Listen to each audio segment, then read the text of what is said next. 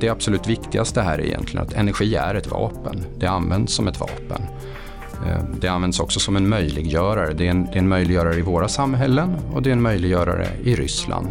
För Ryssland har väldigt mycket energi som de exporterar och får pengar för.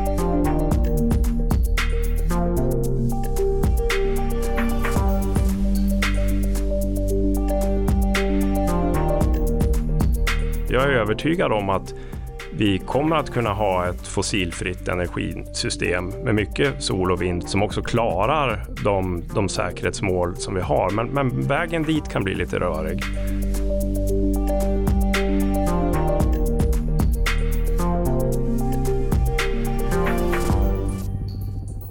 Energiförsörjningen är central för ett lands säkerhet. I dagens avsnitt ska vi prata om energisektorn och dess roll i krisberedskapen och totalförsvaret.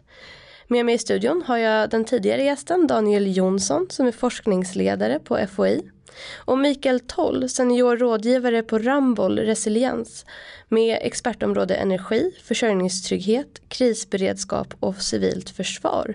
Välkomna till Rapporterat. Tackar. Tack.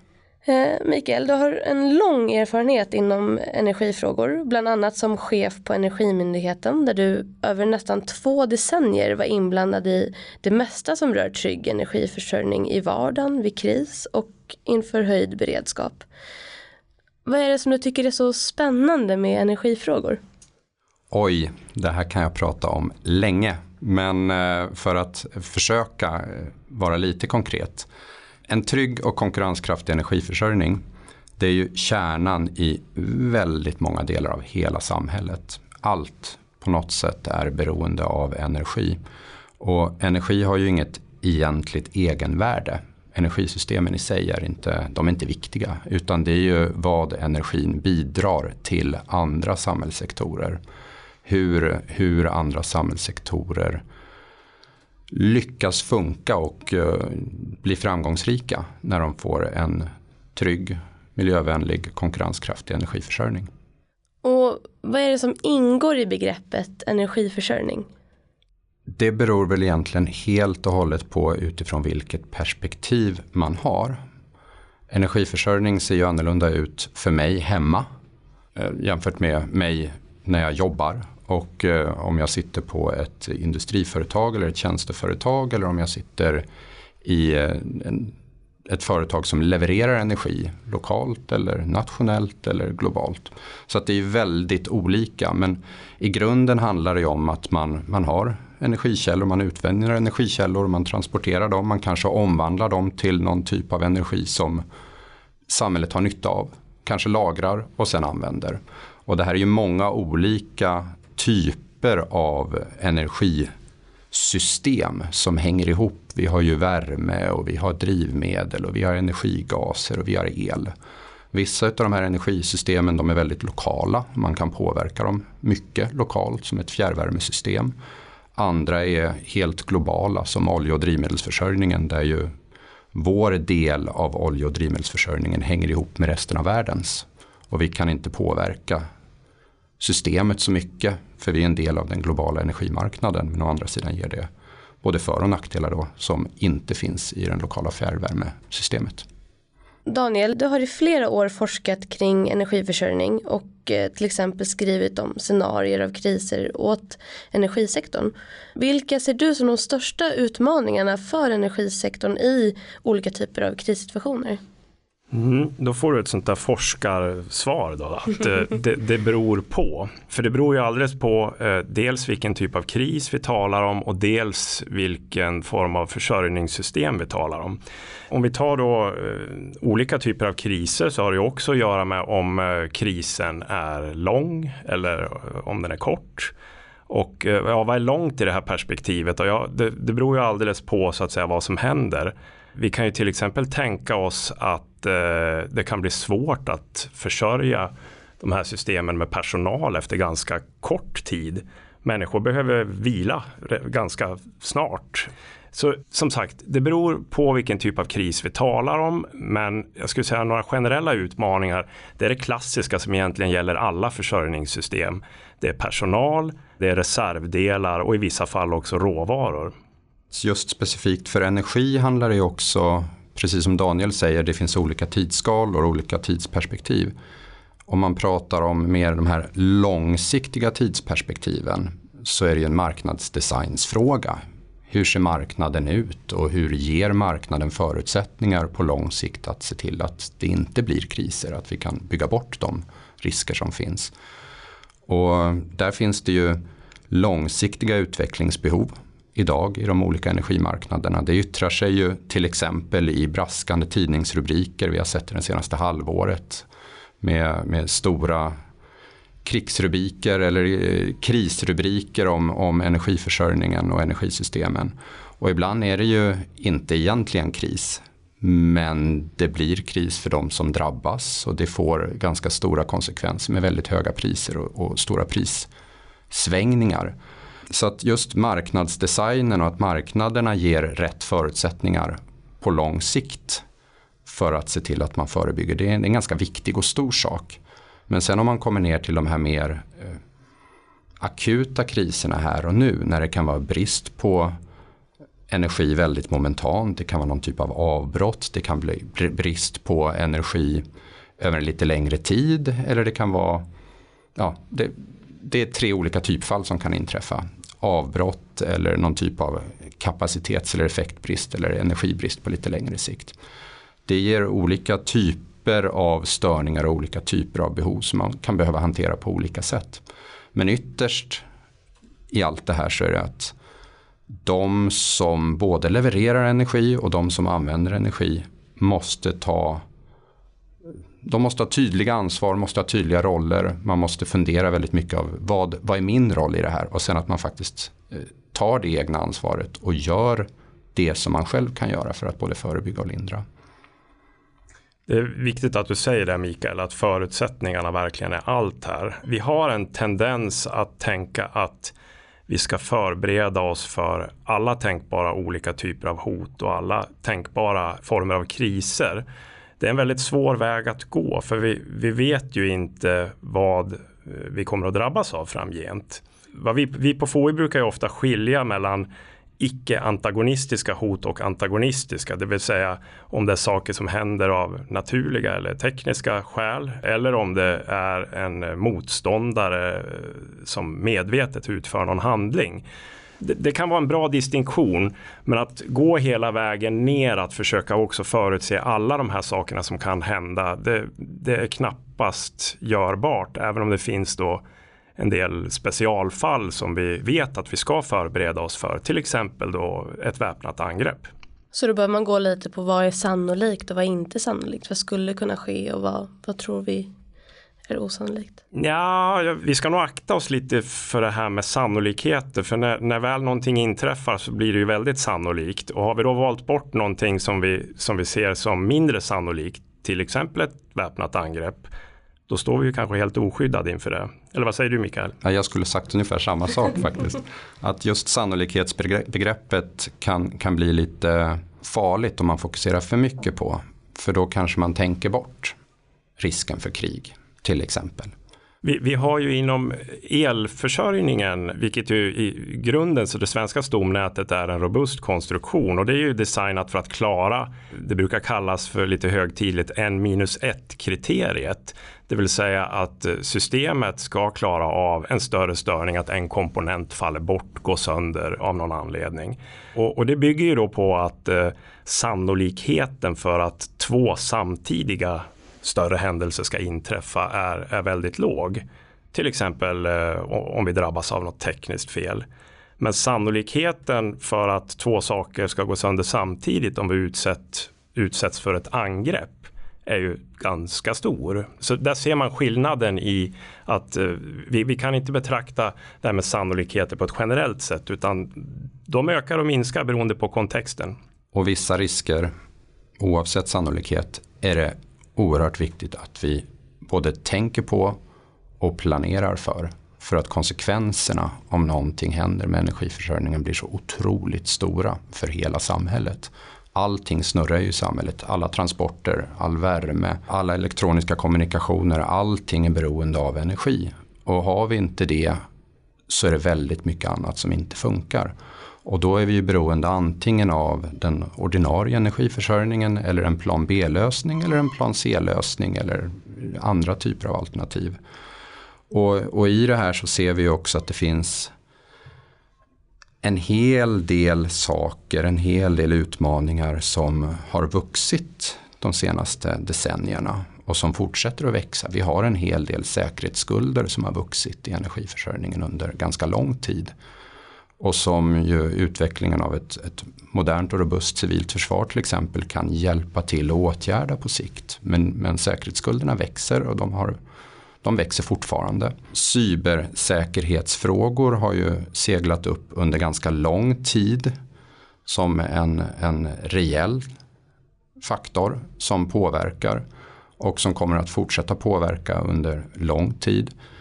Och vi har de här antagonistiska eh, angreppen som skulle kunna inträffa och som, som de facto faktiskt också redan påverkar energiförsörjningen. Och där finns ju säkerhetsskyddsfrågor som behöver utvecklas inom många olika områden inom energiförsörjningen och inte bara de man tänker på först utan kanske underleverantörer till energibolag och tjänstebolag och det finns, det finns många som behöver utveckla sitt säkerhetsskydd för att vi ska ha en robust och trygg energiförsörjning även imorgon.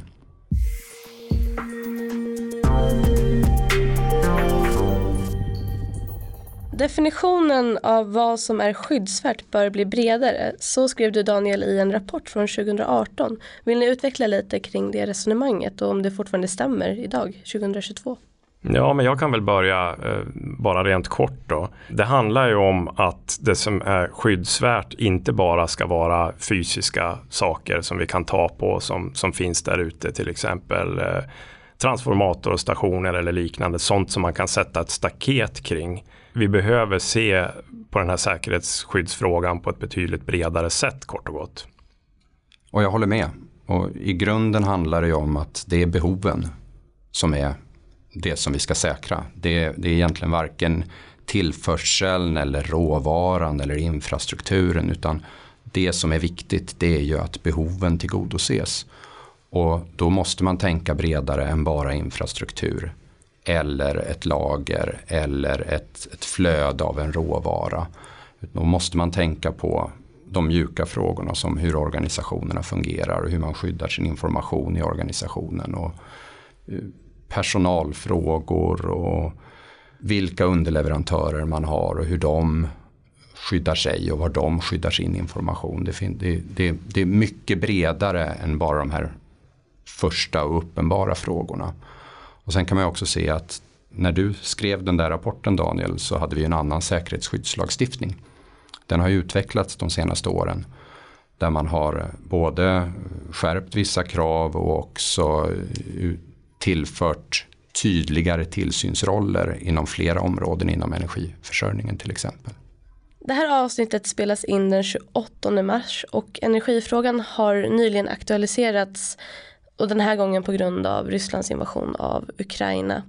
Vi är fortfarande i ett väldigt tidigt skede. Ser ni redan nu några lärdomar som vi kan dra ifrån invasionen och dess konsekvenser? Kanske dels både i form av direkt påverkan på ukrainsk energiförsörjning men också motreaktioner i form av till exempel sanktioner. Ja, det finns många. Eh, man kan samtidigt konstatera att väldigt många av de lärdomarna är egentligen inte så mycket nytt. Utan det är saker vi har känt till under lång tid men som återigen aktualiseras. Och vissa saker är nya eller kanske får en lite annan vinkling eller krydda på. Men, Vilka då har exempel? Eh, ja, men det, det, absolut viktigaste här är egentligen att energi är ett vapen. Det används som ett vapen.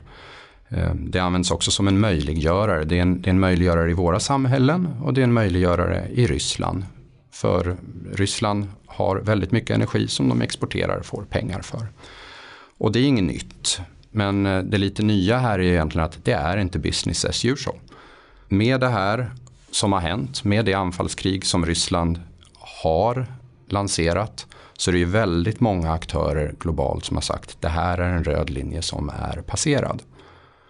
Och eh, det kommer ju innebära att eh, de här motstående intressena som har funnits mellan energiförsörjning och säkerhetspolitik och miljö och så. De, de finns kvar men balansen mellan de här olika målkonflikterna kanske kommer se annorlunda ut framöver. Och eh, det är många aktörer som troligen nu är beredda att gå längre i eh, sanktioner kopplat till energi och energiförsörjning mot Ryssland till exempel. Vad man har varit intresserad av eller känt varit rimligt förut. Det vill säga att man är beredd att ta en större kostnad i det egna samhället för att vara tydlig mot Ryssland att det här är en linje som är passerad. Och det är mycket som sker nu. När vi pratar här så, så har det hänt, det händer saker egentligen varje dag, har hänt den senaste månaden, det kommer fortsätta hända.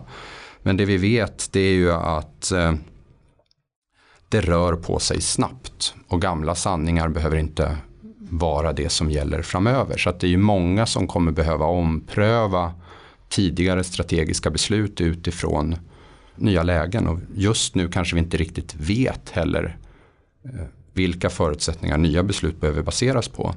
Men vi vet att väldigt mycket nya förutsättningar råder och kommer gälla under lång tid framöver. Vi har IEA, vi har EU, vi har I, USA och eh, flera andra aktörer som ju bara de senaste veckorna har lanserat ganska många olika strategier för att minska det direkta beroendet av rysk energi. Man lanserar olika initiativ som ju kommer innebära att man försöker då hitta alternativa tillförselvägar, mer LNG till Europa, ökade satsningar på energieffektiviseringar. Ta bort mer av naturgasen i den europeiska energimixen där den faktiskt inte tillför så stort värde. Sen är det ju många som också har pratat om att det är väldigt lätt att bara koppla bort rysk energi.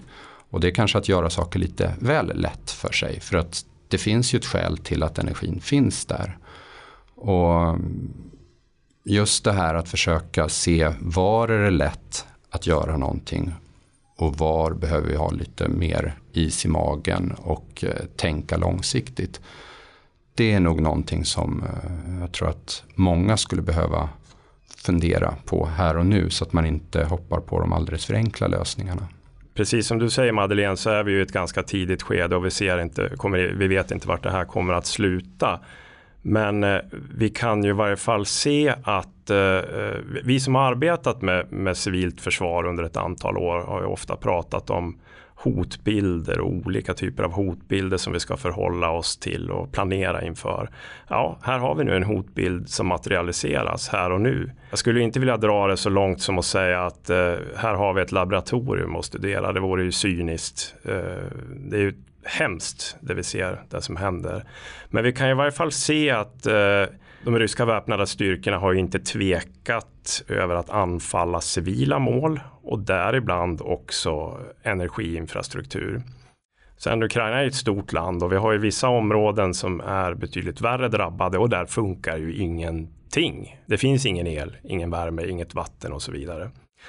Men sen så har vi också områden som är, eh, framförallt städer då, som är eh, drabbade framförallt av eh, fjärrbeskjutning av olika slag.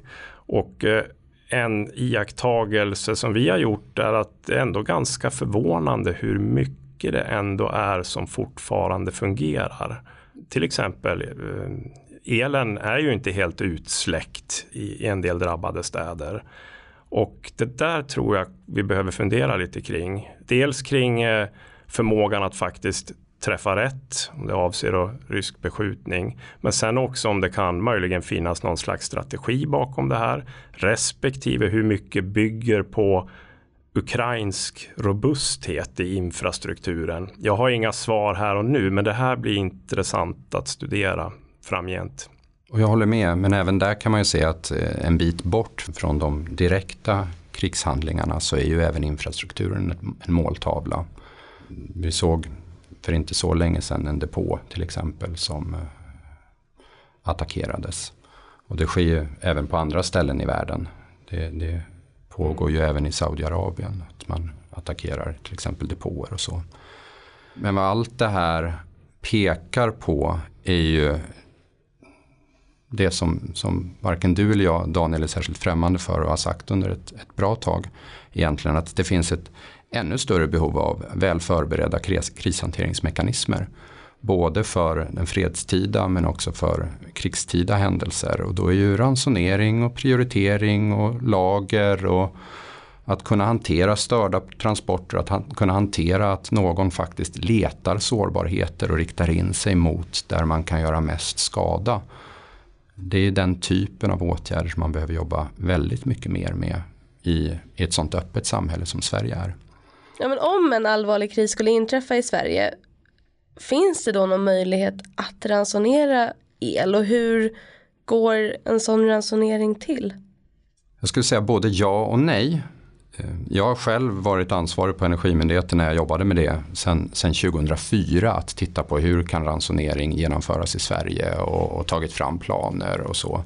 Och ransonering är ju en del av ett större paket med förbrukningsdämpande åtgärder där ransonering väl egentligen är det absolut sista som man väl inte alls vill, vill ta till. För då är man ju inne och egentligen sabbar en marknadsfunktion. Så att, så att helst ska man ju inte ta till den typen av åtgärder. Utan det ska vara mer frivilliga eller marknadsstödjande åtgärder. Andra typer av förbrukningsdämpande åtgärder först då. Men det finns en ganska väl analyserad tanke kring hur ska en, en elransonering genomföras. Vi har genomfört övningar tidigare i Sverige och tillsammans med andra nordiska länder och så. Samtidigt så är det ju inte bara att trycka på en knapp. Det är ganska komplexa saker. Och vi har en lagstiftning generellt i Sverige som inte alltid har hängt med inom krisberedskaps och totalförsvarsområdet. Och det finns en lagstiftning om ransonering men den är ju från 70-talet. I grunden är det så att det saknas lagstöd för myndigheter att i fredstid göra de sista planeringsarbetena tillsammans med andra aktörer. Myndigheter får ju bara göra sånt som man har lagstöd för. Och har man inte lagstöd att gå utanför sin egen byggnad och tillsammans med andra genomföra förberedelser så är det svårt att göra de sista, sista stegen. Så att så ser det ut just nu på ransonering. Men det pratas ju väldigt mycket om att eh, ja, men då kanske man behöver vidta ransonering och det är återigen då det här eh, som jag var inne på tidigare att när man pratar om saker och ting så är det bra att veta hur ser läget ut, vad är fakta och inte bara förutse att saker och ting finns eller inte finns utan att faktiskt det är viktigt när man går ut och pratar om saker att man vet hur det förhåller sig. Men i ett, i ett akut skede då så finns det ju också andra saker. Och om vi råkar ut för en sån situation i elförsörjningen där det blir en akut brist, här och nu brist, ja men då är det ju i första hand att Svenska kraftnät kanske beordrar bortkoppling av energi, ja, elanvändning för att se till att, att skydda hela systemet. Och då finns det också en planering för det, att kunna genomföra en bortkoppling av elanvändning på ett så humant sätt som möjligt för samhället. Det är många elanvändare som kommer drabbas väldigt hårt men ändå försöka se till att man på samhällsnivå minskar samhällskonsekvenserna. Och då finns det ett planeringssystem som heter styrel, planering för prioritering av samhällsviktiga elanvändare. Där eh, alla kommuner, alla länsstyrelser, eh, alla elnätsbolag och väldigt många statliga myndigheter har tittat på en, en planeringsprocess tillsammans för att försöka komma fram till vad är det som är sårbart, vad är det som bör prioriteras och hur kan man genomföra en, en bortkoppling om det behöver ske.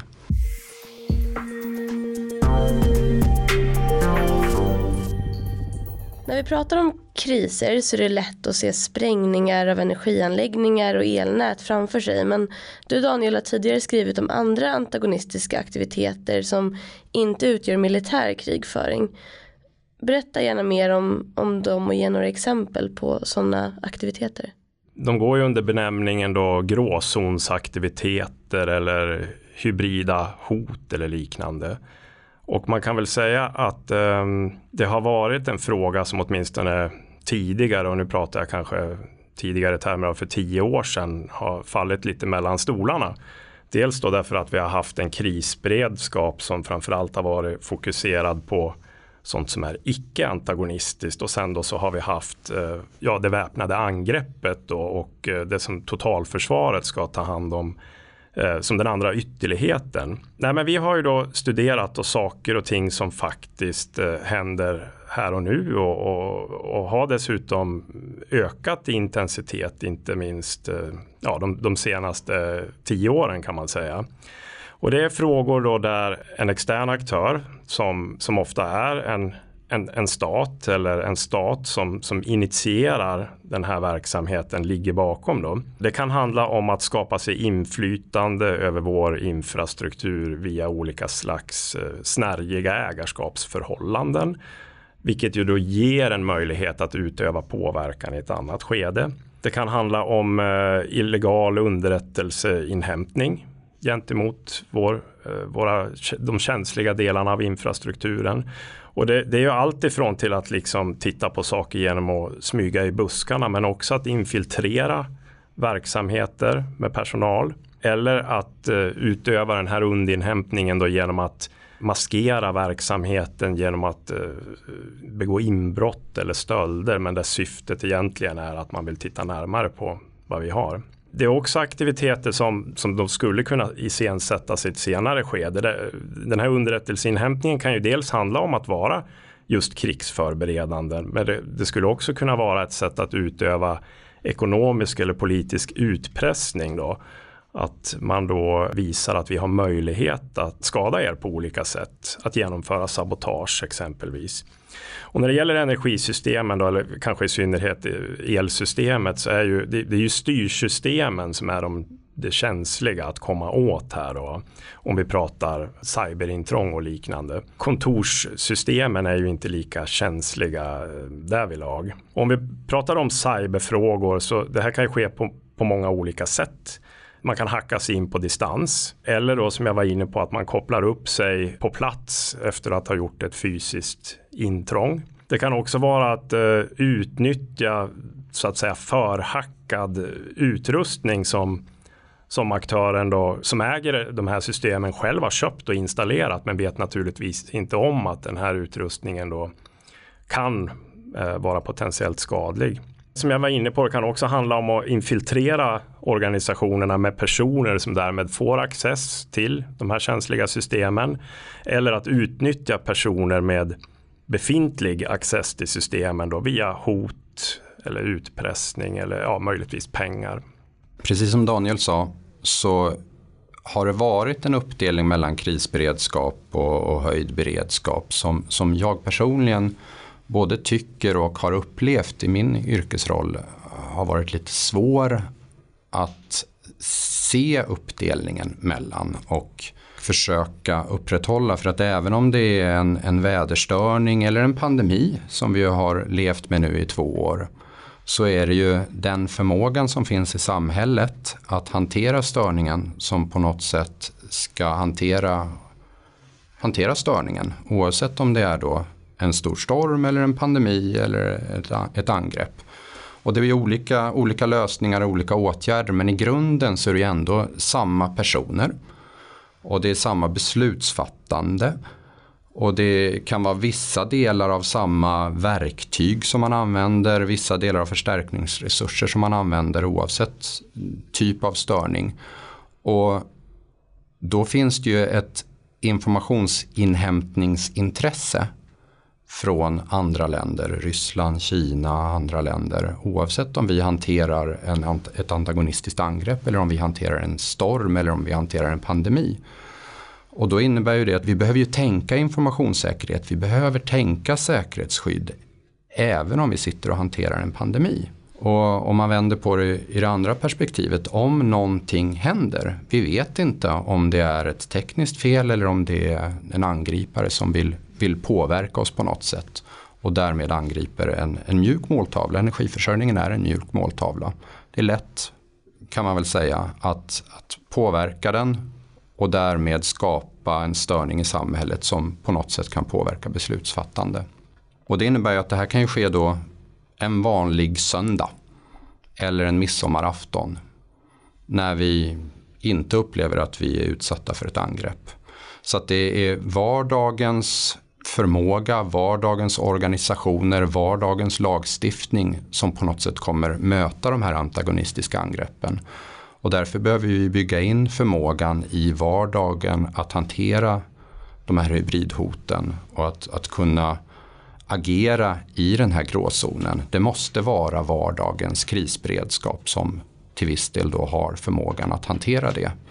Så därför ser jag inte att vi har den här lyxen att dela upp krisberedskap och civilt försvar utan vi behöver alla som jobbar med samhällsviktig verksamhet behöver tänka på att vi är en del av totalförsvaret. I fred och vid kris och under höjd beredskap och alla behöver tänka på vad innebär det i min organisation och alla behöver utifrån det egna ansvaret och den egna rollen faktiskt sen vidta åtgärder och skapa en robusthet och en förmåga. Och det kan man göra på många olika sätt. Det handlar om åtgärder för ökad cybersäkerhet, säkerhetsskydd, kontinuitetshantering. Det kan handla om eh, att fundera på eh, hur beroende man är av långväga transporter, eh, hur man fattar beslut, hur man diskuterar internt i den egna organisationen, hur man jobbar med, med sin personalplanering och liknande.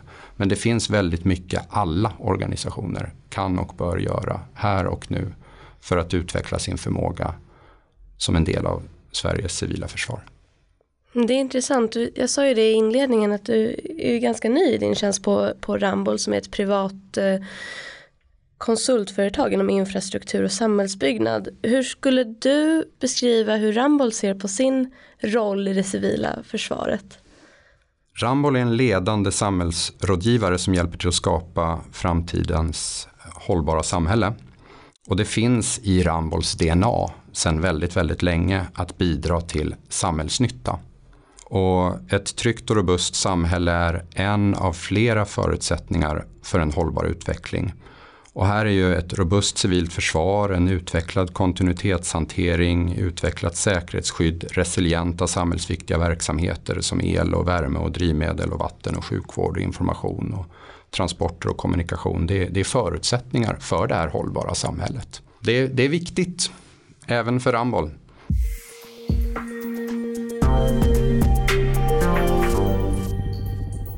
Vind och solkraft blir allt vanligare i Sverige. Hur skulle ni säga att det här påverkar säkerhetsarbetet när det gäller energiförsörjningen? Vi, vi är ju mitt inne i en energiomställning som är eh, nödvändig av, eh, av flera skäl. Vår forskning och tidigare forskningar på FOI har ju visat att eh, det är inte problematiskt på något sätt att arrangera ett eh, hållbart energisystem. Det vill säga som både klarar exempelvis klimatmålen och de, de olika typer av säkerhetsmål som, som vi skulle kunna tänkas ha. Men däremot så kan man ju se att resan dit kan ju bli lite hackig om saker och ting går i otakt.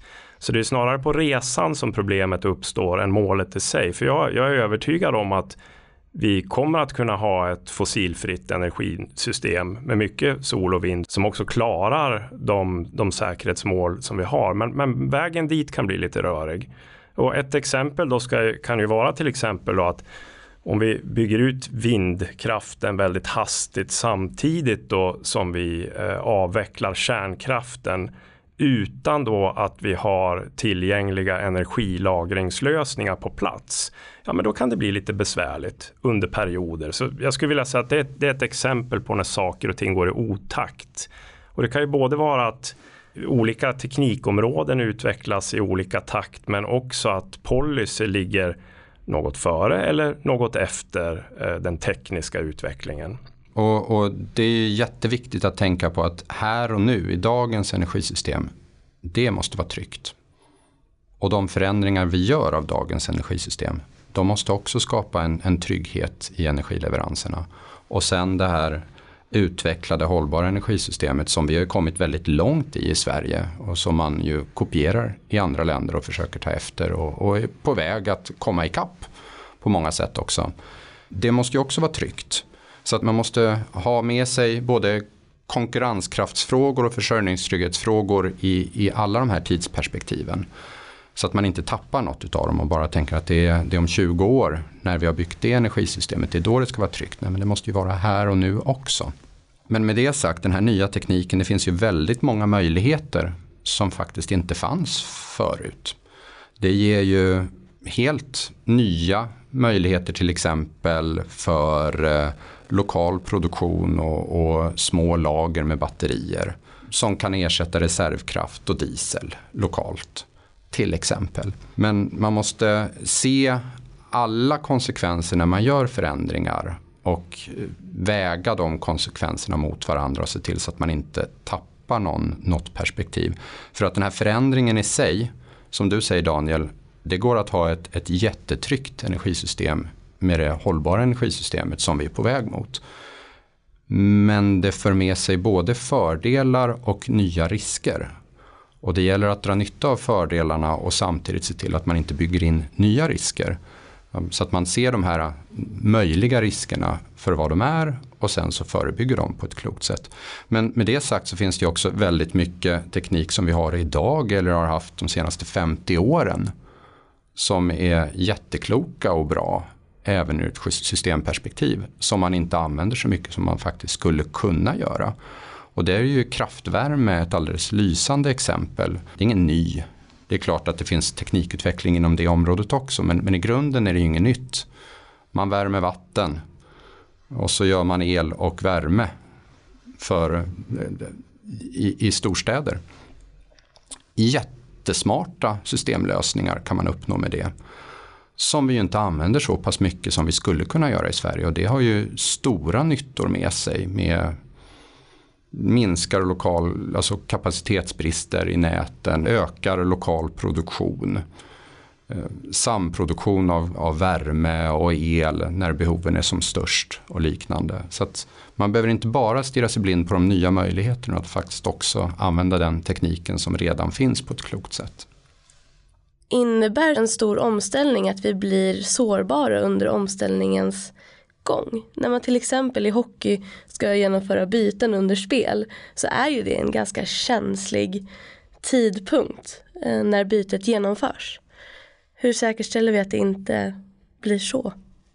Genom att förstå vad vi gör och vad beslut får för konsekvenser innan vi går från beslut till handling.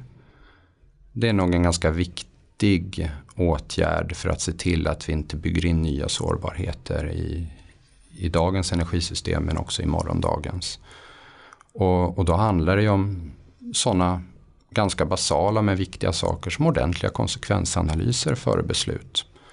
Och att man förstår vad det är man fattar beslut om och att man sen gör kloka avvägningar. Och där handlar det ju om att balansera miljö, ekonomi, trygghet och inte låta något perspektiv väga jättemycket mer än de andra utan faktiskt se, se alla viktiga aspekter inför ett beslut. Men sen handlar det också om när man ser att någonting behöver göras att man faktiskt går från ord till handling. Vi har väldigt långa, tröga tillståndsprocesser och annat i systemet som gör att vi kanske inte alltid som samhälle åtgärdar de saker som vi vet att vi behöver åtgärda. Och det kan vara minst lika skadligt. Nej, men om jag får fylla på där Mikael, så det handlar ju mycket om att eh, de olika politikområdena får ju inte vara stuprör som inte har något med varandra att göra. Den här omställningen är ju bara bredare än än energi eller miljöfråga. Den är mycket större än så. Vi brukar lite högtidligt säga att eh, vi som just jobbar med då totalförsvar och energi har förmånen att göra det. Att här har vi två stora samhällsomställningar på gång samtidigt vilket gör att det blir en väldigt spännande dynamik här. Vi ska både skapa ett nytt modernt civilt försvar och vi befinner oss mitt i en energiomställning.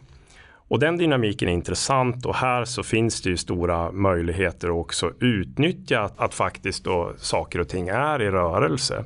Det handlar inte bara om att göra ordentliga konsekvensanalyser för att göra rätt utan det kanske också handlar om att eh, och ta chansen när den finns. Jag tänkte på det du sa Mikael om kraftvärme som ju skulle kunna få en renässans och det skulle kunna bli mer av det och i ett sånt läge så skulle man kunna tänka att för, för inte allt för dyr penning så skulle en ny anläggning kunna byggas så att den var flexibel i den meningen att man kunde ladda på den med olika sorters bränsle. Även om vi kanske nu ser att ja, men det är kanske framförallt en viss typ av träpellets eller något vi kommer att köra den på. Men att begränsa det till det, att man bara har den möjligheten, då bygger man ju in en sårbarhet inför framtiden. Och, och det skulle jag säga, det är ju styrkan just med fjärrvärme och kraftvärme mm, idag. Att, eh, för det finns ju många riktigt bra och framstående anläggningar i Sverige som kan elda i princip allt möjligt. Och, och, det, är ju en, en, det är ju en trygghet, det är också en bra affär för de som gör det för då kan de ta det bränsle som för stunden är billigast. Men, men det ger också den här tryggheten i att det finns olika typer av bränsleströmmar som man kan ta hand om.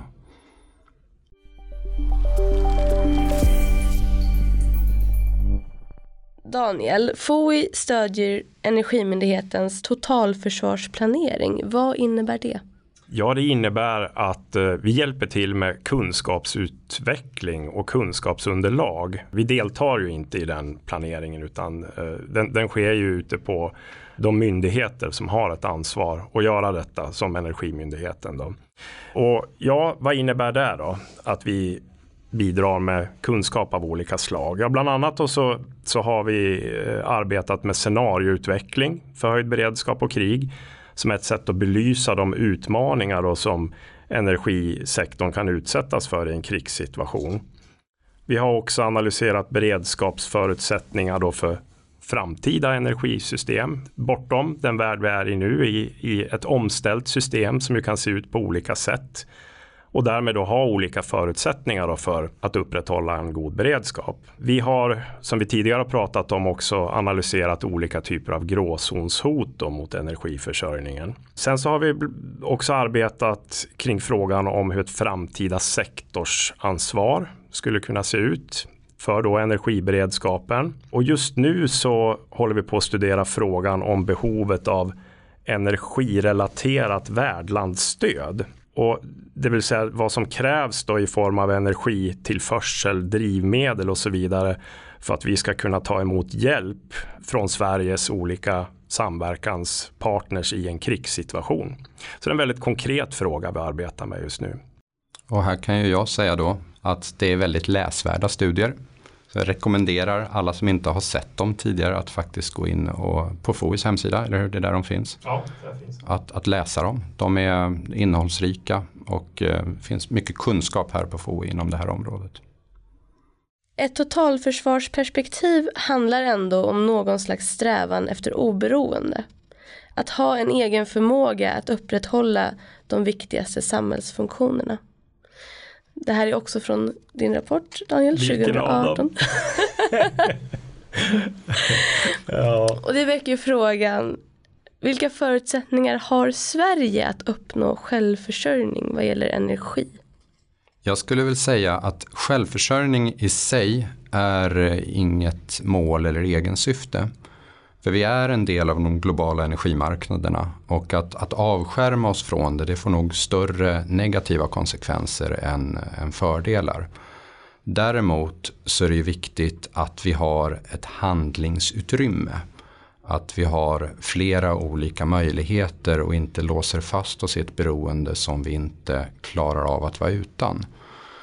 Så att, så att just det här självförsörjning är, är lite lömskt. För det är egentligen inte det som man ska försöka eftersträva. För då blir man i slutändan kanske ett nytt Nordkorea. Och det tror jag inte att samhället tjänar på. Vi är en del av det globala samhället och vi ska fortsätta vara en del av det globala samhället. Men vi ska inte vara naiva så tillvida att vi, vi gör oss beroende av eh, en enstaka leverantör. Vare sig det är av energi eller av reservdelar eller av en teknik eller liknande som gör att vi faktiskt inte klarar av att lösa våra viktiga samhällsverksamheter om en störning inträffar. Och då behöver vi tänka i ett allriskperspektiv. Vi behöver tänka på att inte lägga alla ägg i samma korg. Vi behöver tänka på att ha en, en förmåga att hantera någonting oönskat när det händer. Alltså att ha ett, ett genuint kontinuitetshanteringstänk bakom väldigt mycket av vad vi gör. Så skulle jag säga, vad säger du Daniel? Nej, jag håller helt och hållet med. Det, självförsörjning är ju inget självändamål i det här sammanhanget. Det enda jag kan lägga till då det är väl att man ska ändå komma ihåg att eh, Sverige har ju ganska gynnsamma förutsättningar tack vare vår vattenkraft och vår skog. Vi utvinner ju ingen eh, olja här i, i, Sverige men det är ganska få länder på jorden som gör så att eh, även om då självförsörjning inte ska vara ett självändamål så har vi ju ändå väldigt mycket resurser på plats på svenskt territorium. Ja, helt riktigt. Och eh, vi ska ju se till att vi använder alla de energiresurser som vi har. Och vi ska se till att vi har en, en god lokal energiproduktion också. För det, det ökar tryggheten. Men just det här att inte bara tänka på att skärma av oss från omvärlden. Sen kan det ju komma lägen där vi faktiskt behöver kunna hantera att vi är avskärmade. I ett krigsläge så kan det mycket väl vara så. Då behöver vi ha lager och vi behöver ha en förmåga att minska vår energianvändning Mm. väldigt drastiskt. Eller se till att det är de absolut mest viktiga samhällsfunktionerna som får energi. Och det är det jag menar att man behöver ha man behöver ha en palett av åtgärder som man kan använda vid flera olika tillfällen. Lite oavsett vad det är som händer.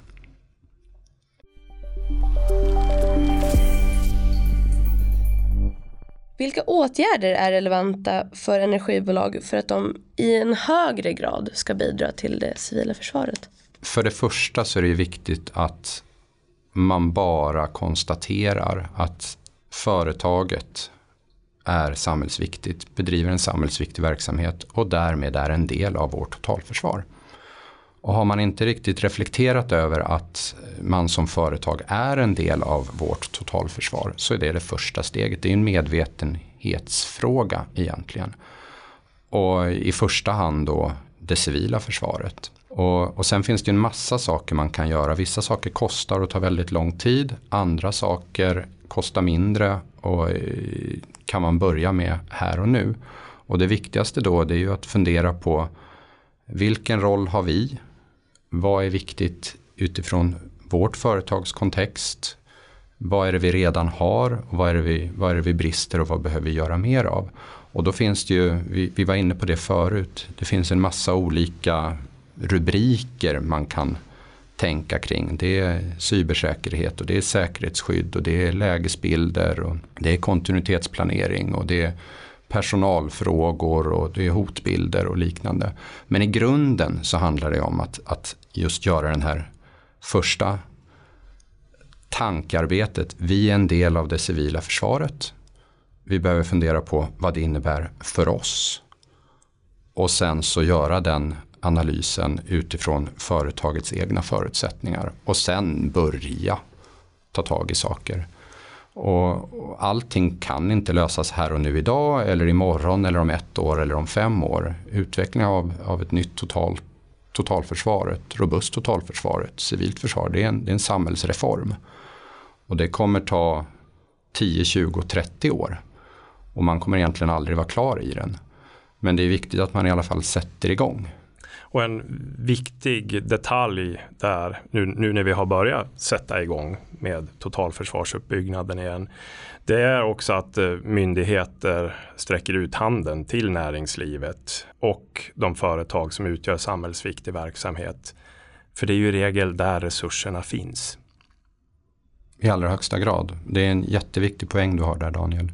Att om vi pratar om en, en storm eller en pandemi eller någonting annat. Då är det ganska tydligt vilket ansvar energibolag har. Men pratar vi höjd beredskap och ur en svensk kontext där vi har väldigt mycket samhällsviktig verksamhet som drivs i bolagsform av privata verksamhetsutövare.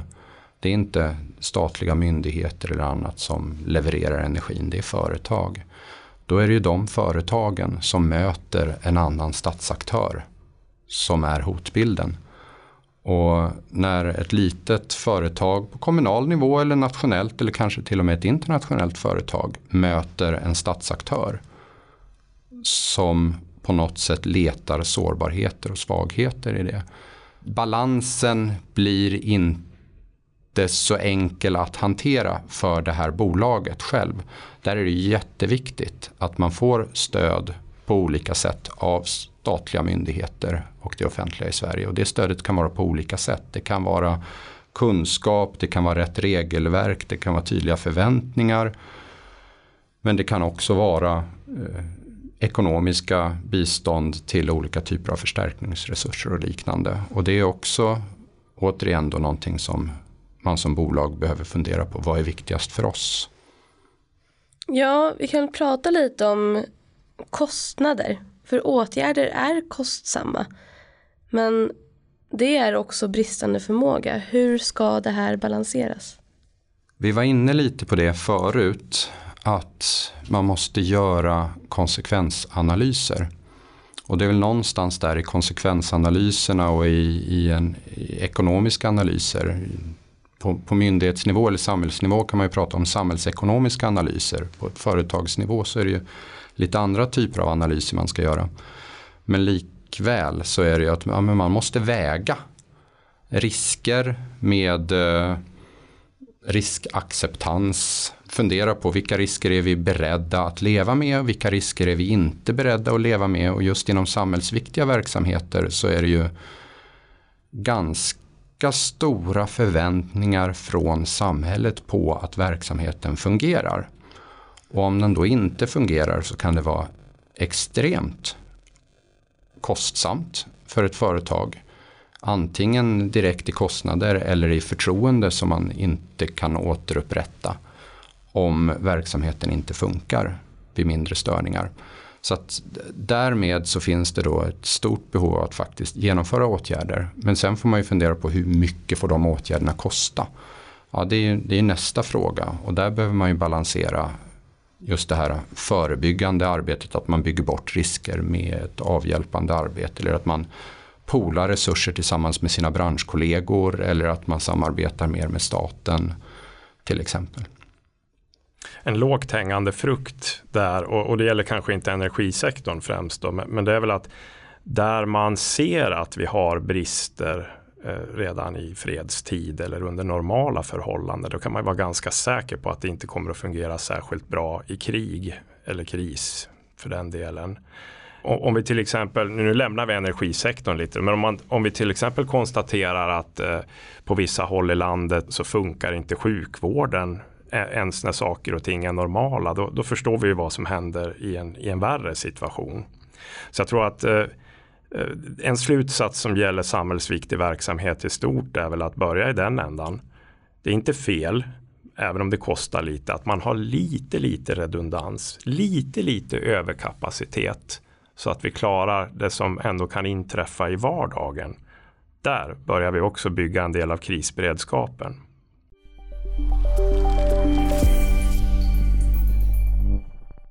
Hur eh, öppna ska vi vara kring vårt arbete med säkerhet inom de här frågorna?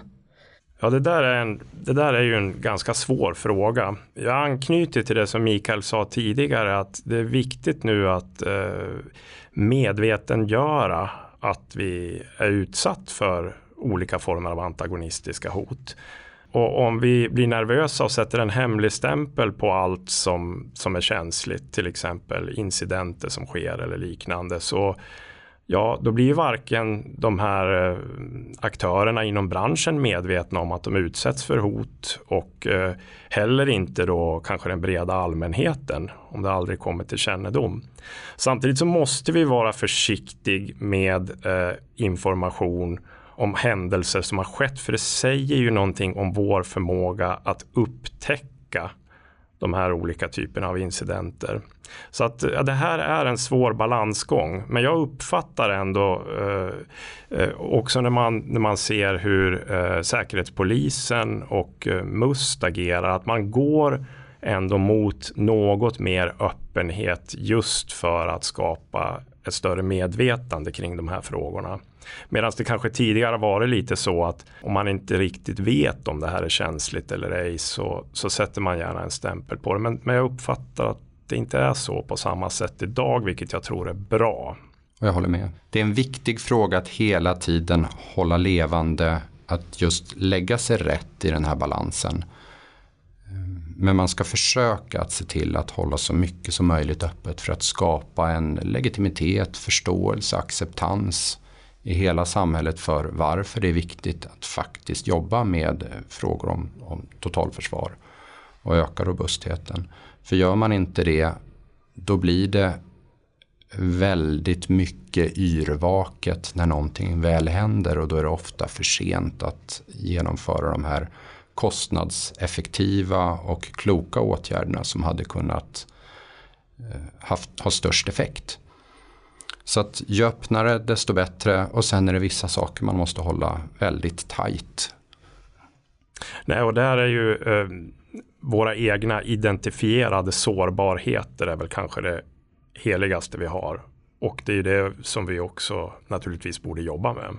Och vi ska snart börja avrunda men först har ni några lästips som ni vill dela med er av?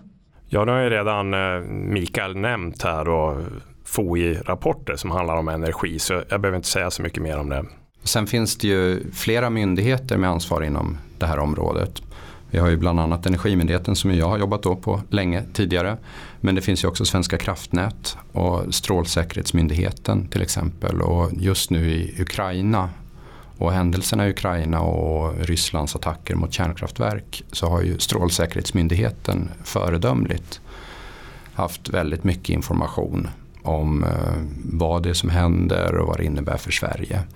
Och på Svenska kraftnäts webb finns ju också väldigt mycket information om eh, elberedskap och andra relevanta frågor inom Svenska kraftnäts ansvarsområde. Och sen finns det ju mycket kunskap om eh, drivmedelsberedskap och värmeberedskap och kommunal energiberedskap och trygg naturgasförsörjning och annat som rör olika frågor kring, kring trygg energiförsörjning via Energimyndighetens webb. Och sen så vid sidan av alla de här väldigt bra inläsningsmaterialen så är det viktigt att sen också tänka på som vi sa tidigare, vad är relevant för mig och hur behöver, vad, vad, behöver vi tänka på i vårt företag och vad ska vi börja med. Så att vid sidan då av att ta del av väldigt mycket av de här bra materialen. Då kan jag faktiskt för egen del rekommendera Daniels eh, skrift om just eh, hybridhot och gråzon och hur det påverkar energiföretagen. Den är, den är relevant fortfarande och väldigt bra ingång. Så måste man ju sen då fundera på men vad ska vi göra här och nu hos oss i vårt företag. Och då är den här första strategin för civilt försvar inom företaget. Det, det är en bra start. Vi länkar som vanligt alla lästips och källor på www.foi.se rapporterat. Tack för att ni kom hit. Tack. Tackar.